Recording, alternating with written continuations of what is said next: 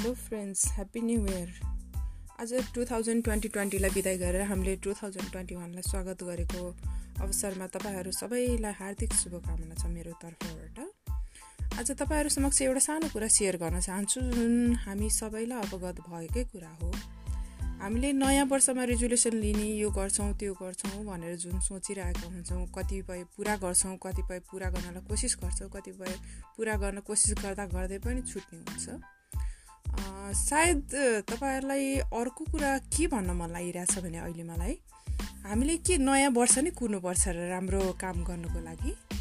हामीले नयाँ वर्ष नै कुरेर ल अब यो रेजुलेसन लिन्छु अब यस्तो हुन्छ उस्तो हुन्छ मात्रै भनेर सोच्नु एउटा पोजिटिभिटीको साइन हो भनेदेखि।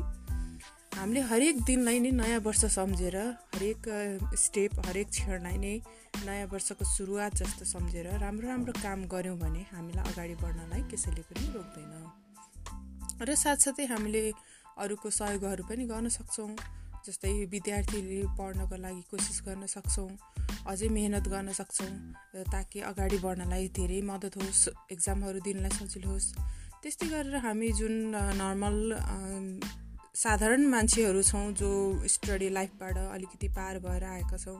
उनीहरूले अब जबहरू गर्ने हो भने जबलाई के के कसरी अगाडि बढ्न सकिन्छ भनेर त्यसको लागि कोसिस गर्न सक्छौँ। नयाँ नयाँ टेक्नोलोजीहरू सिक्न गर्न सक्छौँ।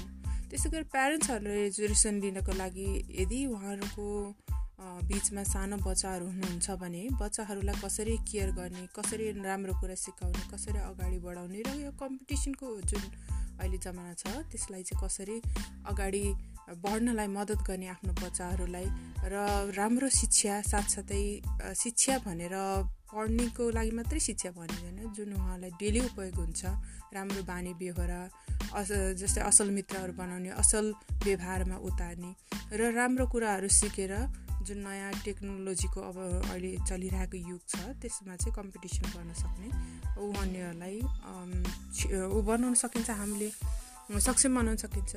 त्यसै गरेर बच्चाहरूलाई राम्रो कुरा चाहिँ यो राम्रो हो यो नराम्रो हो भनेर पनि हामीले सिकाउन सकिन्छ। उनीहरूको हामी अझ नजिक साथी हुन सकिन्छ। साथी भएपछि के हुन्छ भने उनीहरूलाई खुल्ने मौका पाउँछ। जस्तै बच्चाहरूकै केसमा कस्तो हुन्छ भन्दाखेरि बच्चाहरू भनेर हामीले स्कुल पढ्ने एज ग्रुपलाई मात्रै बच्चा भनिँदैन। कम्तीमा पनि पन्ध्र वर्षसम्मको लागि चाहिँ हामीले बच्चा नै भनिन्छ र बच्चाहरूको केसमा चाहिँ बाबाआमाको लागि हरेक उमेर जति पार भए पनि बच्चाहरूको एउटा स्टडी ग्रुप सकियो उनीहरूले फेरि जब गर्छन्। र केही क्रमपछि उनीहरूको बिहे पनि हुन्छ फेरि उनीहरूको पनि बच्चा भइसक्यो हुन्छ। तर पनि एउटा राम्रो पक्ष के छ भने आमा बाउहरूको चाहिँ उनीहरूले आफ्नो बच्चालाई हमेसा बच्चा नै देख्छन्। र आफ्नो बच्चालाई बच्चा देख्नु चाहिँ नराम्रो पनि होइन। उनीहरू चाहिँले पनि खुसी हुन्छन् आफ्नो बच्चाहरूको प्रगति भएकोमा। उनीहरूले अगाडि बढेको कुराहरू देखेर त्यस्तै गरेर हामीले आफ्नो बच्चाहरूलाई के सिकाउन सकिन्छ भने सानै उमेरदेखि जुन परिपक्वता आउँदै जान्छ उनीहरूमा। उनीहरूलाई चाहिँ राम्रो कुरा गर्नुपर्छ अरूलाई सहयोग गर्नुपर्छ आफूले नयाँ नयाँ आइडिया निकाल्न सकिन्छ। दिमागलाई कसरी चाहिँ अझै अगाडि बढाउने।